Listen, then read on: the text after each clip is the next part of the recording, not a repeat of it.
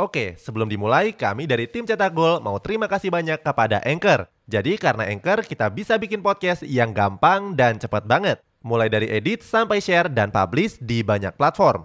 Mulai dari Spotify, Apple Podcast, sampai platform podcast lainnya.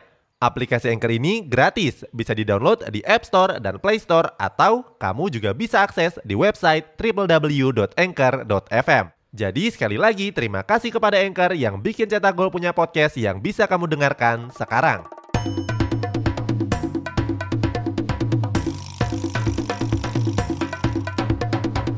Kini Podcast Network. Pratama Arhan kembali menghebohkan pemberitaan setelah menjalani laga debut pertamanya bersama Tokyo Verdy. Menariknya, pemain kelahiran Blora ini dimainkan di posisi sayap. Posisi ini tentu berbeda dari posisi aslinya dari Pratama Arhan yang merupakan seorang wingback. Cetak Gol coba merangkum ceritanya sebagai berikut.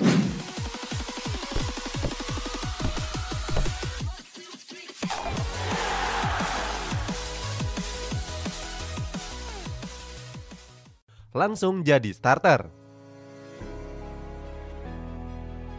Nama Pratama Arhan tergabung ke dalam skuad utama Tokyo Verdy. Uniknya saat itu sang pelatih Hiroshi Jokufu memainkan Arhan di posisi yang gak biasanya yakni di sayap kiri. Di lini depan Arhan berduet dengan sang striker Keito Kawamura dan sayap kanan Junki Koike.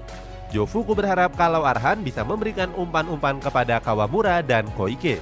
Sementara di posisi bek kiri yang merupakan posisi Pratama Arhan ditempati oleh Yuta Narawa. Debut ini mengakhiri penantian Arhan yang sudah bergabung dengan Tokyo Verdy sejak bulan Maret yang lalu. Jangankan debut, Pratama Arhan bahkan belum pernah masuk ke dalam skuad cadangan. Gak heran kalau netizen Indonesia langsung membanjiri Instagram resmi dari Tokyo Verdy. Posisi yang tidak biasa. Debut Pratama Arhan di posisi sayap kiri menimbulkan pertanyaan. Setelah ditelisik, Arhan mengisi posisi sayap kiri yang biasanya ditempati oleh pemain asal Chile yakni Byron Vasquez. Akan tetapi pemain berusia 21 tahun tersebut terpaksa menepi karena mengalami cedera. Selain Vasquez, Tokyo Verdy juga sebenarnya masih punya sayap lainnya yakni Ryuji Sugomoto. Namun pemain senior dari Tokyo Verdy tersebut dianggap belum siap untuk bermain oleh pelatih.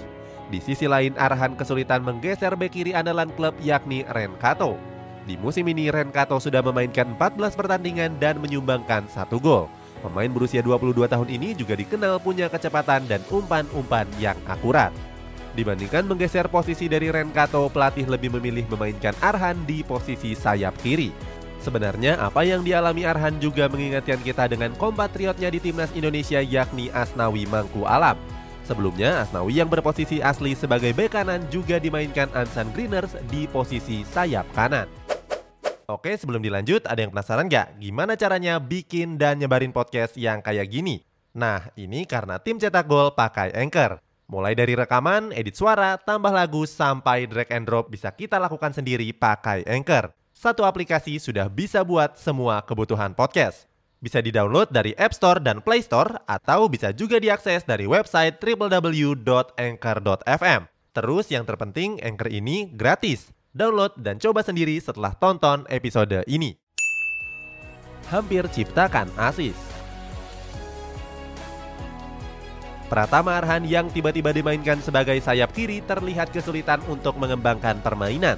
Hasilnya dia lebih banyak menunggu bola dibandingkan membangun serangan. Walaupun begitu, mantan pemain PSIS Semarang ini hampir menciptakan asis untuk Tokyo Verdy. Momen ini terjadi pada menit ke-39 di mana Arhan menerima bola dan melepaskan umpan crossing kepada Koike. Sayangnya bola yang ditendang Koike tersebut masih mengarah ke penjaga gawang Toshigi. Pada akhirnya di babak kedua, Pratama Arhan ditarik keluar lapangan dan digantikan oleh Mizuki Arai. Walaupun gak mencetak gol ataupun asis, Pratama Arhan tetap tampil impresif. Sebab Pratama Arhan beberapa kali merepotkan bek lawan dengan melakukan duel-duel sengit. Salah satu duel itu juga membuat Pratama Arhan menerima kartu kuning. Terlepas dari itu, Tokyo Verdy mampu unggul dengan skor 1-0 lewat gol dari Ryoga Sato pada menit ke-76. Masih butuh waktu adaptasi. Sang pelatih Jofuku menilai Pratama Arhan masih butuh waktu di posisi barunya. Jofuku juga menyebut kalau Pratama Arhan mulai beradaptasi 10 menit sebelum babak pertama berakhir. Mantan pelatih dari FC Tokyo itu berharap kalau Pratama Arhan bisa menyatu di laga-laga berikutnya. Dari tanggapan tersebut, besar kemungkinan kalau Jofuku akan kembali memainkan Arhan di posisi sayap.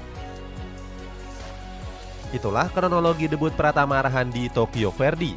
Bagaimana pendapatmu? Apakah Arhan bisa beradaptasi di posisi barunya?